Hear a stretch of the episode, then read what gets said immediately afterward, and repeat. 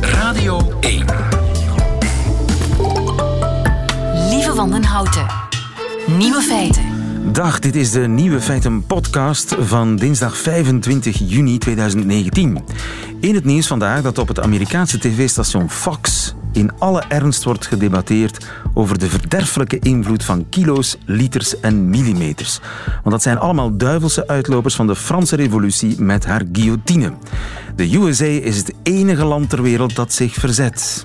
Well, today, as you mentioned, the United States stands nearly alone in the world in maintaining customary measures the inch, the pound, the foot, the mile.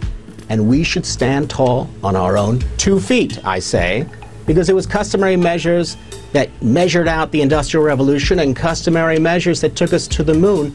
The metric system, meanwhile, is the product of the French Revolution. It was imposed at the business end of the guillotine. En zo ging het nog minuten door. James Panero, cultuurcriticus, legt uit dat in kilometers de Amerikanen nooit tot op de maan waren geraakt. Uiteraard. De andere nieuwe feiten vandaag. Tsjernobyl is een bloeiend natuurgebied geworden. Krijgen bomen dan geen kanker? Een militaire universiteit in China stuurt haar studenten naar Europa om te doctoreren. Ook naar Leuven. De tuin van de VRT zit vol parkieten. Moeten we daar blij mee zijn. En de gevoelstemperatuur vandaag bedraagt 42 graden. Hoe meten ze dat? De nieuwe feiten van Jean Blaute hoort u in zijn middagjournaal. Veel plezier. Nieuwe feiten. Op vakantie naar Tsjernobyl. Veel mensen willen het na het zien van de HBO-serie Chernobyl. Chernobyl is on fire. And every atom of uranium is like a bullet, penetrating everything in its path metal, concrete, flesh. Now, Chernobyl holds over 3 trillion of these bullets. Some of them will not stop firing for 50,000 years. Het is inderdaad een huiveringwekkende serie over de kernramp in eh, 1986 in Tsjernobyl. Veel mensen willen daar nu naartoe op vakantie om te kijken wat daar te zien is. Wat is daar te zien vandaag? Wel vooral natuur. De natuur die kennelijk geen last heeft van die bullets waarvan sprake zo pas in de trailer. Koen S., goedemiddag. Goedemiddag. In een gebied ter grootte van de provincie Limburg wonen nog altijd geen mensen. De steden Tsjernobyl en Pripyat die zijn verlaten. En na 33 jaar helemaal overwoekerd door de natuur. Nu, ja, schattingen over het aantal mensen dat door de ontplofte kerncentrale toen kanker heeft gekregen in de loop der jaren, die schattingen lopen sterk uiteen van een paar duizend tot 60.000. Sommige instanties spreken zelfs van nog meer kankerslachtoffers. De veeteelt in Zweden en Finland op dit ogenblik zou nog steeds last hebben van de gevolgen van de ramp. Kennelijk hebben bomen daar geen last van. Ja, dat is omdat planten zitten eigenlijk helemaal anders in elkaar dan, uh, dan dieren, dan gewervelde dieren. Um, ze hebben eigenlijk mechanismen waarmee zij... Uh, ja, ze worden weliswaar ook gebombardeerd door die uh, straling. Maar zij kunnen ja, zichzelf repareren. of als er dan toch gezwellen ontstaan, want kankers, zijn, kankergezwellen komt ook voor bij planten. Die kunnen zij inkapselen. Het grote verschil tussen planten en dieren is dat ja, in, het, in het dierlijk weefsel kunnen kankercellen zich voortbewegen, kunnen eigenlijk uitzaaien. Bijvoorbeeld door het bloed. Je, hebt, je hebt witte bloedcellen, rode bloedcellen in het bloed zitten. Dat is niet zo bij planten. Bij planten zitten planten ingekapseld in een, in een celwand. En het sap dat door de plant stroomt bevat geen cellen. Dus een plant kan eigenlijk kankergezwellen afzonderen en eigenlijk uh, op die manier verder gaan groeien. Ja, en mensen krijgen kanker verschil. van die straling, omdat die straling ook iets doet met het DNA van de mens. Ja, dat is zo. En dat is ook zo bij de planten. Um, het DNA of, of, de cellen worden beschadigd. En als het DNA beschadigd wordt, dan zijn, gaan er mutaties of, uh, optreden en kankers optreden. Maar zoals ik al zei, de plant kan dat eigenlijk op een manier isoleren. En nog een groot verschil is dat um, bij dieren als er dan een weefsel aangetast is, denk bijvoorbeeld aan uw longen of aan uw hart, ehm, een weefsel wat je niet zonder kan, en dan ga je natuurlijk dood. Bij de planten is dat niet zo. Als zij, uh, zij zijn in staat om nieuwe weefsels aan te maken. In hun groeitop of bij, bij bomen vlak onder de bast, wat we het uh, cambium noemen. Daar groeien nieuwe cellen die in staat zijn om nieuwe organen aan te maken. Dus als een boom een tak verliest, kan die een nieuwe tak maken. Niet zo bij dieren natuurlijk. Als wij een arm of een long kwijt zijn, kunnen wij die niet aanmaken. Dus dat maakt planten veel veerkrachtiger om uh, ja, eigenlijk zo'n dingen te overwinnen. Ja, Dus zij gaan helemaal niet dood zijn na uh, die grote impact. Vandaar dat in Tsjernobyl daar geen dorre woestijn geworden is. Ook niet onmiddellijk na de ramp. Nee, inderdaad. Het uh, wordt beschreven dat het binnen de drie jaar eigenlijk de vegetatie helemaal is teruggekeerd. Dat heeft er ook mee te maken dat planten uh, een soort van mechanismes hebben, reparatiemechanismen die ze in werking laten treden, omdat planten ondertussen uh, 450 miljoen jaar op het land leven en eigenlijk doorheen die evolutie meerdere keren zware stralingen hebben doorstaan, waar dat Tsjernobyl eigenlijk maar klein bier tegen was. Dus eigenlijk in hun systeem is dat ingebakken om zo'n dingen uh, het hoofd te kunnen bieden. Planten kunnen tegen kernrampen, uh, mensen en dieren niet. Zou jij eens willen gaan kijken naar dat natuurgebied dat daar is ontstaan? Um, het is bijzonder interessant, lijkt mij. Dus het, het blijkt dat uh, ja, de mens die er voorheen woonde, dat die eigenlijk veel nefaster was voor de, voor de plantaardige natuur dan die kernramp. Dus dan, nu kan de natuur daar weer helemaal zijn gang gaan. Veel meer dan, dan voorheen toen er nog mensen woonden. Nu, je hebt drones die daarover kunnen vliegen. Ik hou mezelf wel wat uit de buurt, maar ik denk dat de dronebeelden of documentaires zoals die nu op de tv zijn, dat die ons veel kunnen leren uh, over die streek. Ja, planten kunnen tegen nucleaire straling. Koen S., dankjewel. Plantkundige van de plantentuin in Meissen. Goedemiddag. Goedemiddag. Nieuwe feiten. Opschudding in Nederland, waar onderzoeksjournalistiek van onze collega's van de Nederlandse televisie van het programma Nieuwsuur aan het licht brengen dat Chinezen die afgestudeerd zijn aan de militaire hogeschool daar komen specialiseren aan de Technische Universiteit van Delft. Goedemiddag, Jonathan Holslag. Goedemiddag. Een eenvoudige zoektocht op internet heeft opgeleverd dat uh, mensen die uh, aan die uh, militaire school in China komen bijleren over bijvoorbeeld hoe het internet van de vijand destabiliseren. Komen ze leren aan de Technische Universiteit van Delft. Wat leren die studenten nog allemaal? Um, Chinese studenten van uh, de Defensie Universiteit, maar ook aanverwante universiteiten, want uh, in China is dat allemaal uh, heel nauw met elkaar verbonden. We hebben vooral belangstelling hier voor zaken als artificiële intelligentie, maar ook bijvoorbeeld alles wat te maken heeft met robotisering, wat, wat onbemand is, hè, omdat dat natuurlijk superbelangrijk is voor de, de wapensystemen van, uh, uh, van, van morgen. Alles wat bijvoorbeeld relevant is voor inlichtingenvergaring, satellietcommunicatie, noem maar op. Dus je kunt het zo gek niet verzinnen of er bestaat wel, wel belangstelling voor.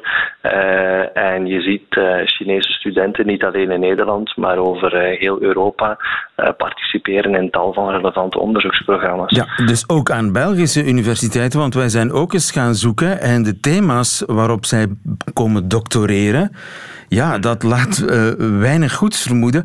Observatiesatellieten, combat system effectiveness, subspace attack, robots, wifi fingerprints. Ja, en het lijstje komt eigenlijk bijna één op één overeen met uh, het verlanglijstje van, uh, of wat betreft nieuwe technologieën die het Volksbevrijdingsleger wil, uh, wil bemeesteren.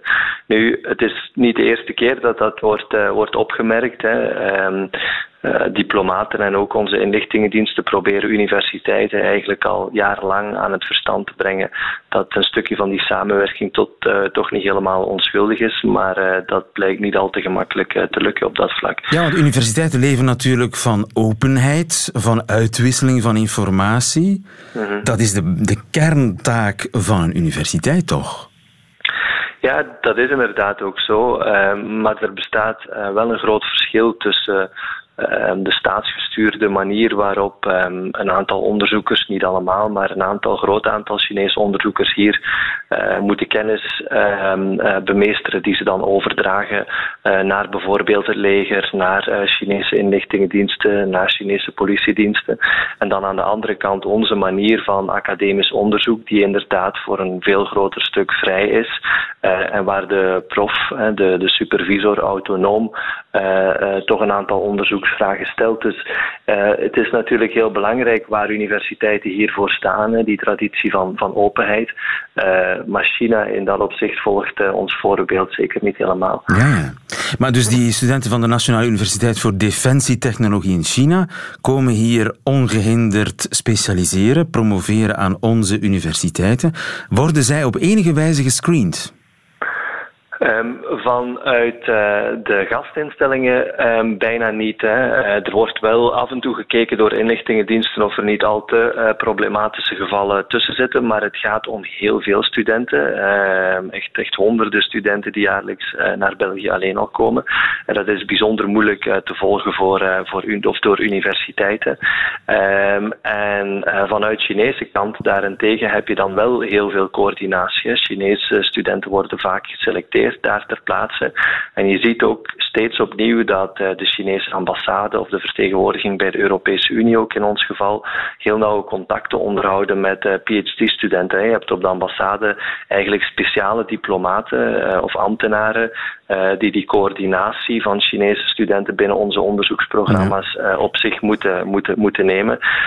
en ook stevast volgen er debriefings op, op verschillende momenten, waardoor de Chinese overheid goed zicht krijgt op waar hun kennis, hun expertise nuttig voor kan zijn als ze terug, terug ja, gaan naar China. Dus de Chinezen zijn wat dat betreft eh, hyper georganiseerd. Bij ons is er eigenlijk een leegte.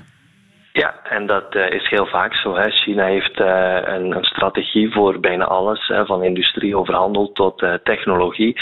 En dat is het eeuwige gro grote onevenwicht met, met, met Europa. Dus je kunt ja, heel kritisch zijn over China dat ze dat doen. en dat bijvoorbeeld in dit geval het leger eigenlijk bijna gratis onze technologie wil, wil te pakken krijgen. maar het grootste probleem situeert hem dus vooral bij onze eigen samenleving, onze eigen universiteiten, dat we toch vaak eh, nogal, um, hoe zal ik het zeggen, naïef en, en gemakkelijk omgaan. Uh, ja, maar de vraag is ook of universiteiten wel gewapend zijn om Chinese studenten stuk voor stuk te screenen. Dat is eigenlijk niet de taak van een universiteit. Toch? De universiteit is wetenschappelijk bezig, niet met inlichtingendiensten, met, met screening van studenten.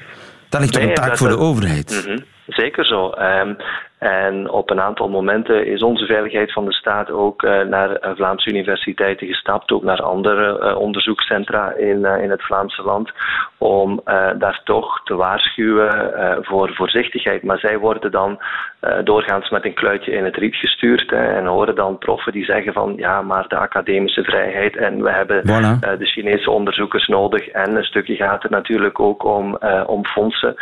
dus, dus zij vangen eigenlijk bot. En een tweede aspect is ook dat uh, de capaciteit van onze twee inlichtingendiensten op alles wat te maken heeft met industriële spionage, alles wat te maken heeft met wetenschappelijk onderzoek, gewoon ondermaats is veel te klein. Zeker in vergelijking met, met andere buurlanden. Ja. Onze inlichtingendiensten, ondanks de beste intenties, kunnen dat hele probleem gewoon niet aan met de huidige mankracht die ze hebben. Dus hier is sprake van een enorm uh, gat dat uh, ja, moet gevuld worden.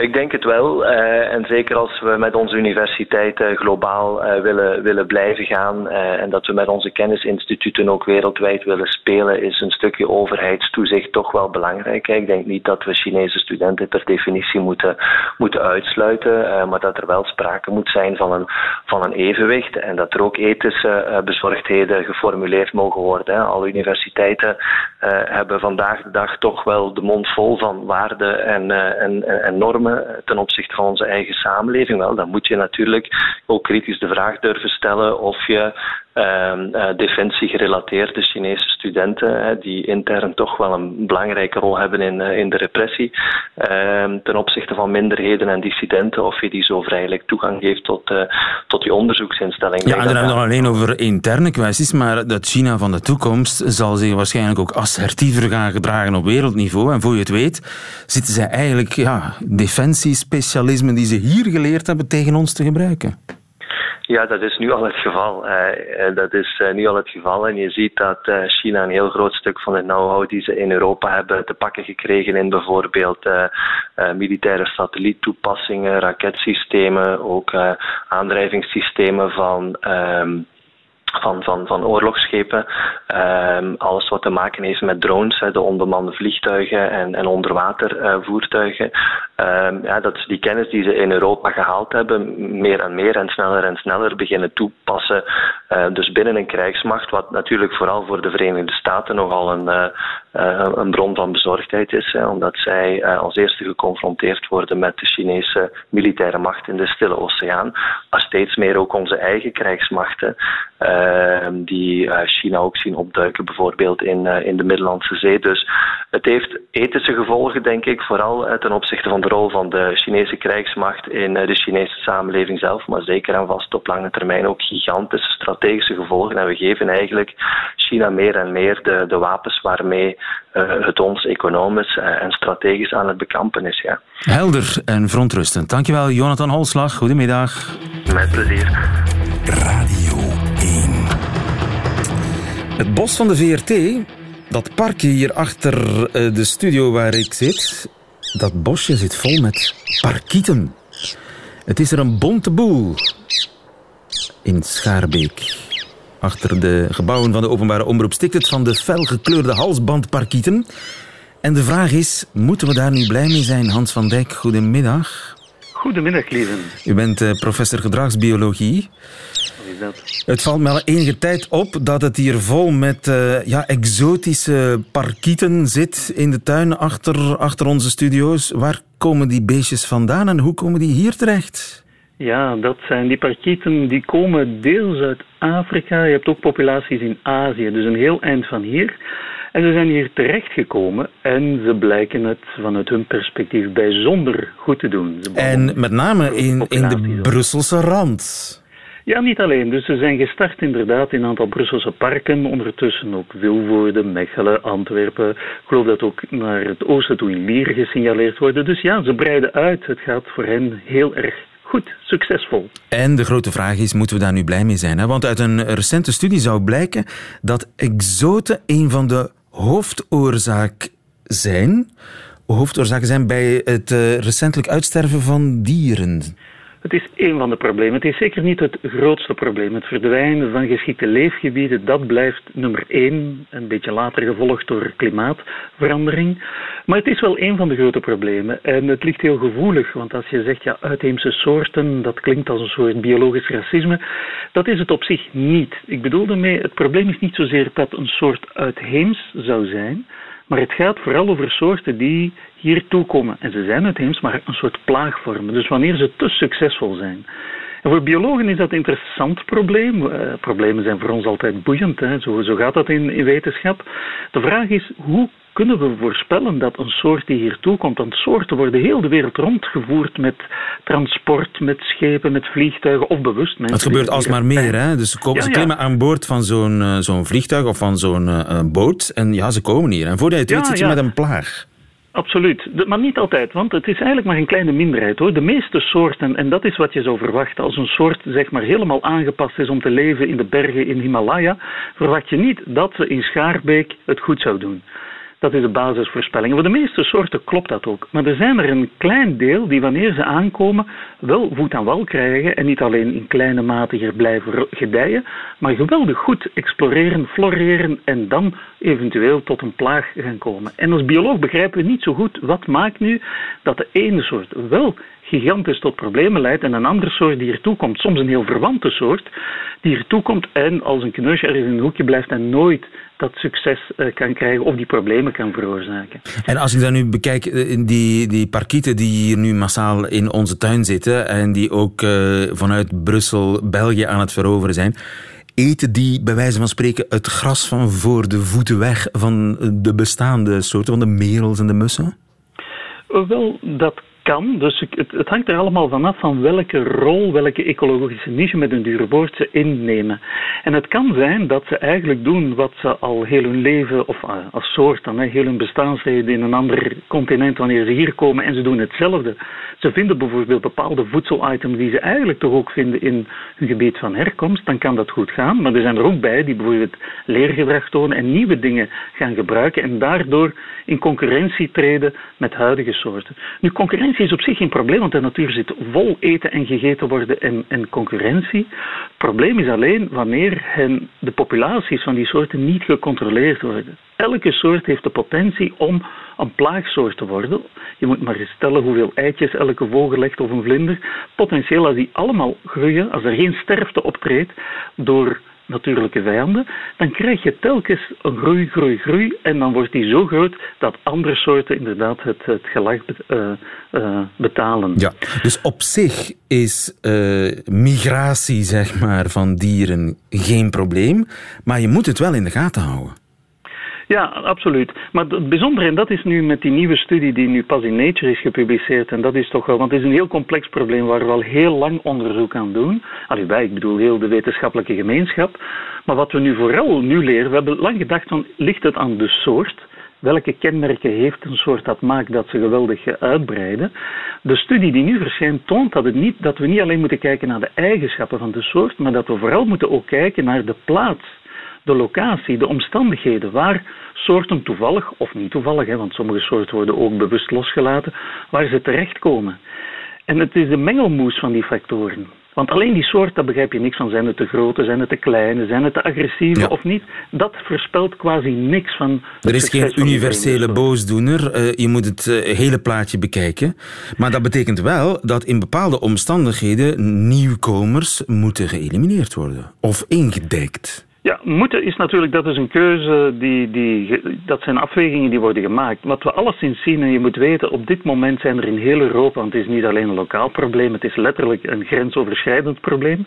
In heel Europa zijn er op dit moment al meer dan 10.000 uitheemse soorten, dus soorten die van nature niet in Europa voorkomen, meer dan 10.000 soorten vastgesteld. Dat wil niet zeggen dat die al die 10.000 allemaal grote problemen vormen, maar het is wel een soort klok die tikt, want we weten niet goed welke zijn. Dat is dus niet helemaal waar. Een aantal lijsten bestaan hoor. Europese wetenschappers hebben voor de Europese Commissie een lijst gemaakt, een unielijst, die aanduidt welke soorten we in de gaten moeten houden, omdat ze vooral al op andere plaatsen al problemen hebben veroorzaakt. En bovendien zien we dat vooral de locatie, zoals ik dan net zei, zo belangrijk is. Plaatsen waar al heel wat exotische soorten moeilijkheden veroorzaken, zien we dat vooral daar kansen groot zijn dat er nieuwe bij komen. Men heeft daar een mooie term voor bedacht, zo gaat dat bij wetenschappers. Een soort invasion meltdown idee. dus dat een soort tipping point, als ik er nog een woord mag aan toevoegen. Ja, ja, ja, jargon, dat zit zo bij de wetenschap. We houden van al die complexe termen. Maar het, het, het legt het wel mooi uit. Want je krijgt een soort cascade. Dus het is niet één en twee, het is geen som, maar je krijgt een zelfversterkend effect. En daar maken biologen zich dan wel zorgen over. Dus dat wil niet zeggen dat we meteen een soort. Uh, de alarmkreet moet genuanceerd worden. Het is niet dat elke vreemde soort die hier nooit voor gekomen heeft een probleem vormt. Maar een aantal soorten vormen dat wel. En dat we zien dat de kost om dat onder controle te houden jaar na jaar toeneemt. Is dat, dat eigenlijk wel onder controle te houden? Uh, voor sommige gevallen eens ze helemaal verspreid zijn. Ik denk aan, we hebben een van onze meest gerenommeerde biologische exportproducten is het Aziatisch lieveheersbeestje, veelkleurig lieveheersbeestje. Dat is hier uit een aantal serres, was bedoeld als een biologische bestrijder. Die is uit die serres geraakt en die verspreidt. Eerst België ingepalmd, dan Nederland, Engeland. Die zit ondertussen al tot in Zweden. Eens dat die zo ver verspreid zijn, is het haast niet meer praktisch mogelijk en daarnaast heel kostelijk. Ook nu al hoor, in onze waterlopen, want deze studie focust op vogels. We hebben enorm veel gegevens over vogels verzameld. Maar het probleem beperkt zich niet tot, tot, vogels. Je ziet ook in onze rivieren heel wat planten opduiken die nauwelijks gegeten of bestreden worden van nature. En dat zorgt dan Um, voor, niet alleen voor een aantal andere soorten, maar soms voor het waterbeheer of voor de landbouw, inderdaad voor hinder. Voor hinder. En, en veel meer dan uh, ja, het vaststellen kunnen we niet doen, kennelijk. Um, ja, jawel, natuurlijk. Ik denk dat nog meer, daar wordt al op gewezen, maar dan moeten we op die nagel moeten we blijven kloppen, preventief zijn. Vermijden dat inderdaad soorten de strengere controles doen bij transport. We gaan de geglobaliseerde markt zomaar niet veranderen, maar denk aan havens, denk aan verstedelijkte gebieden waar dat we de meeste soorten zien opduiken, omdat daar de meeste trafiek gebeurt van goederen en personen.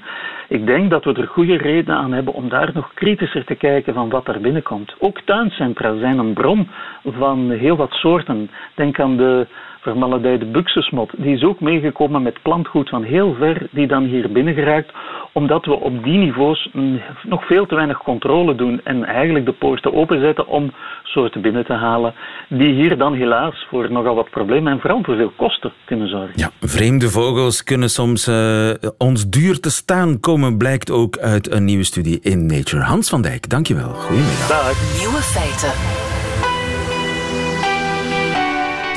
30 graden ongeveer op dit ogenblik, maar we gaan naar een gevoelstemperatuur, althans volgens Jill Peters, van 44 graden, al was het? Het zal een vochtige warmte zijn en het wil zeggen dat de gevoelstemperatuur bijzonder hoog ligt. We verwachten een gevoelstemperatuur van gemiddeld 44 graden. Gevoelstemperatuur 44 graden. Jill Peters van uh, eh, VTM. Goedemiddag, Bram Verbrugge. Hallo, goedemiddag. Onze weerman.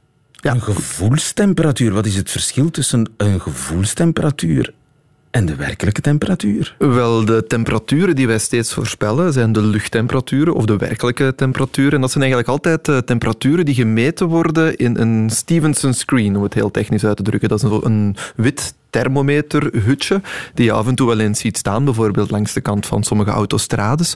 Uh, en daar wordt dus de luchttemperatuur gemeten in de schaduw en met een uh, beperkte hoeveelheid wind die door zo'n hutje kan waaien. Dat zijn de temperaturen die we voorspellen. Maar dat is natuurlijk, de echte, dat is de realiteit. Dat is de luchttemperatuur. Dat zijn ook de getalletjes die je in het weerbericht hoort of uh, die je op televisie ziet wanneer we temperaturen voorspellen. En dus die gevoelstemperatuur van 44 graden die Jill Peters vandaag verwacht, dat is niet de temperatuur temperatuur van de lucht. Klopt, klopt. Bij de gevoelstemperatuur komt er nog heel wat meer bij kijken. Een van de factoren bijvoorbeeld is de, de vochtigheid, de relatieve vochtigheid van de lucht. Uh, om het heel simpel uit te drukken, hoe, hoe vochtiger de lucht is, hoe warmer je het zal voelen. Of hoe warmer je het zal hebben. Niet hoe warmer het wordt, maar hoe warmer het voelt. Hoe warmer het voelt, inderdaad. Dus Hier hebben we het dus over gevoelstemperatuur. En natuurlijk de wind. De wind kan uh, voor het tegenovergestelde zorgen. De wind kan ervoor zorgen dat je een beetje afkoelt we noemen dat windchill. Uh, vooral van belang natuurlijk in de winter. Wanneer we erg koude temperaturen hebben, gecombineerd met wind, kan je het kouder voelen dan dat de luchttemperatuur... Ja, als het graadje vriest, maar het waait keihard, dan voelt het als min 18. Klopt, inderdaad. Kun je dat objectief meten, gevoelstemperatuur? Eh, dat is heel erg moeilijk om dat objectief te meten. Uh, het hangt ook al af van, van persoon tot persoon natuurlijk. Uh, van, van huidtypes bijvoorbeeld. Sommige huidtypes kunnen beter tegen, tegen bepaalde um, ja, warmte dan, dan anderen. Het heeft allemaal te maken met, met de manier waarop je transpireert, waarop je zweet. Um, de ene mens voelt het anders aan dan de andere. Ja. Lijkt me niet simpel om dan als weervrouw of weerman te zeggen gevoelstemperatuur 44 graden. Inderdaad er bestaan wel een aantal manieren om het uh, te berekenen. Um, de makkelijkste manier waarop we dat kunnen voorspellen is eigenlijk door gebruik te maken van een tabel. Een tabel die gebaseerd is op een ongetwijfeld ingewikkelde formule. Maar ik heb hier een tabel bij mij. Dat is ook onder andere een tabel waar, uh, waarop collega Gilles zich heeft uh, gebaseerd. En ik heb even de berekening voor vandaag gemaakt voor Ukkel. Daar gaan we straks naar 32 graden met een relatieve vochtigheid van ongeveer 60 procent. Geeft mij een factor van 42, een gevoelstemperatuur van 42 graden Celsius. Geen 44, maar 42. Okay, ja, maar goed, het is ja, enkel voor u. Dat, dat is, uh, eigenlijk is sowieso een gok, die gevoelstemperatuur. Um, het is een berekende een, gok. Een berekende gok, ja. ja. En dus dat plus 10 graden, mm -hmm. dat ligt aan de vochtigheid. Het is vochtig. Ligt inderdaad aan de vochtigheid. Eigenlijk um, heeft het te maken met de manier waarop vocht op onze huid verdampt. Dus wanneer het bijvoorbeeld hard waait, kan dat vocht er sneller verdampen. Wanneer er uh, vochtig weer is, dus wanneer de relatieve vochtigheid van de lucht rondom ons hoog is, dan zal er een minder snelle verdamping zijn van dat vocht dat op jouw huid is. En dan heb je het dus warmer. Ja. Voelen dieren dat ook? Uh, dieren hebben dat uh, minder. Dieren hebben een vacht. En op, uh, op die manier kunnen zij minder snel warmte afgeven aan de omgeving. Ik ben natuurlijk geen bioloog, maar bijvoorbeeld Sabine vertelde mij daar straks dat ze steeds een, een fles met koud water bij haar konijn legt en dat dat beest dat enorm aangenaam vindt. Oké, gewoon een fles, een gesloten fles ja. uit, de, uit de diepvries of uit de ijskast. Liefst uit de diepvries. Bij, bij, de, bij het konijn leggen en konijn is blij. Ja. Want ook konijnen hebben het warm. Inderdaad. Deze dagen. Hoe lang duurt het nog? Uh, wel, morgen wordt het opnieuw warm. Ja, iets minder warm dan vandaag. We gaan dan naar een, een 28, 29 graden in het centrum van het land, maar in het oosten weer boven de 30 graden. Gevolgd door dan twee koelere dagen, maar dan zeker zaterdag wordt het opnieuw gevaarlijk heet. Shit. En gevoelstemperaturen van? Weer boven de 40 graden. Boven de 40 graden.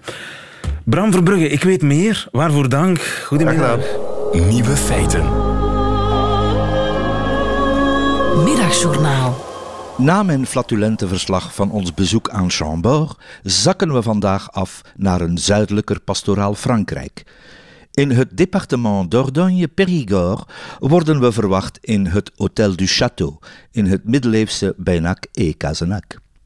De golvende rotsachtige streek met enkele spectaculaire pieken wordt ook wel eens de keuken van Frankrijk genoemd en die vlag dekt helemaal de lading. De fertiele grond baart dan ook de sappigste vruchten, de vitaminste groenten, de beste saucisjes en kazen. En natuurlijk de waanzinnig populaire foie gras van eend en gans, die men in prachtige conserveblikjes aanbiedt op de sfeervolle marktjes of gul verwerkt in een salade périgourdine. Natuurlijk hebben wij politiek correcte domme toeristen daar niet van geheten, nog een klein voorraadje gekocht voor met kerstmis. Ik ben geen enthousiaste bezoeker van oude forten en citadellen, omdat die doorgaans indrukwekkender zijn van op een afstand en aan de binnenkant gewoon donker en leeg, op wat roestijzerwerk en een scheve trap na. Het kasteel van Beinac is wat anders. Het staat er al duizend jaar te heersen over de Dordogne-vallei. Het kost je knieën uitputtende klim langs kleine hobbelige middeleeuwse straatjes. Geen massatoerisme. Af en toe een oude Engelse geschiedenisleraar en een 67-jarige Zottegemse muzikant met zijn Dominicaanse prinses. Eens boven geniet je meteen van het adembenemende panorama met de kronkelende rivier Dordogne als levensader. Wij, intelligente, zelfstandig reizende cultuurtoeristen, kijken graag omhoog naar kastelen, kerkjes en kloosters op rotspunten. En eens we boven zijn, worden we zot van contentement als we naar beneden kunnen kijken. En zo passeert de dag in den vreemde. Natuurlijk moet een en ander fotografisch worden vastgelegd, ook de obligate selfies. Gelukkig worden we daar spontaan bij geholpen door twee ganz gemütliche nette Duitse heren, die het duidelijk al een halve eeuw uitstekend met elkaar kunnen vinden. Dankeschön für die Wiedergutmachung, zei ik bijna. Het interieur van de fortress is gewoon een wonder. Niet leeg, niet donker, nee. Vol authentieke historische meubels.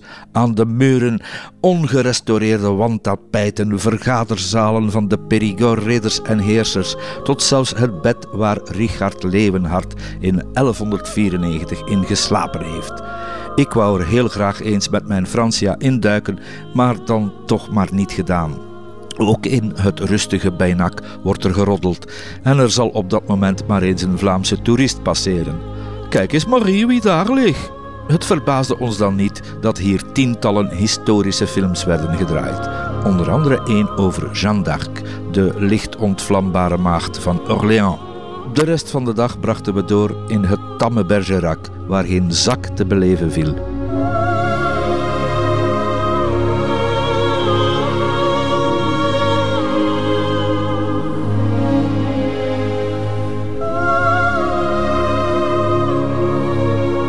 Jean Blouten in het Middagjournaal. Vandaag meteen het einde van deze podcast. Maar u vindt er nog veel meer op radio1.be en op de podcastkanalen. En hoort u liever de volledige uitzending met de leuke muziek erbij? Dat kan natuurlijk ook. Dan kunt u terecht op de app van Radio 1. Tot de volgende keer.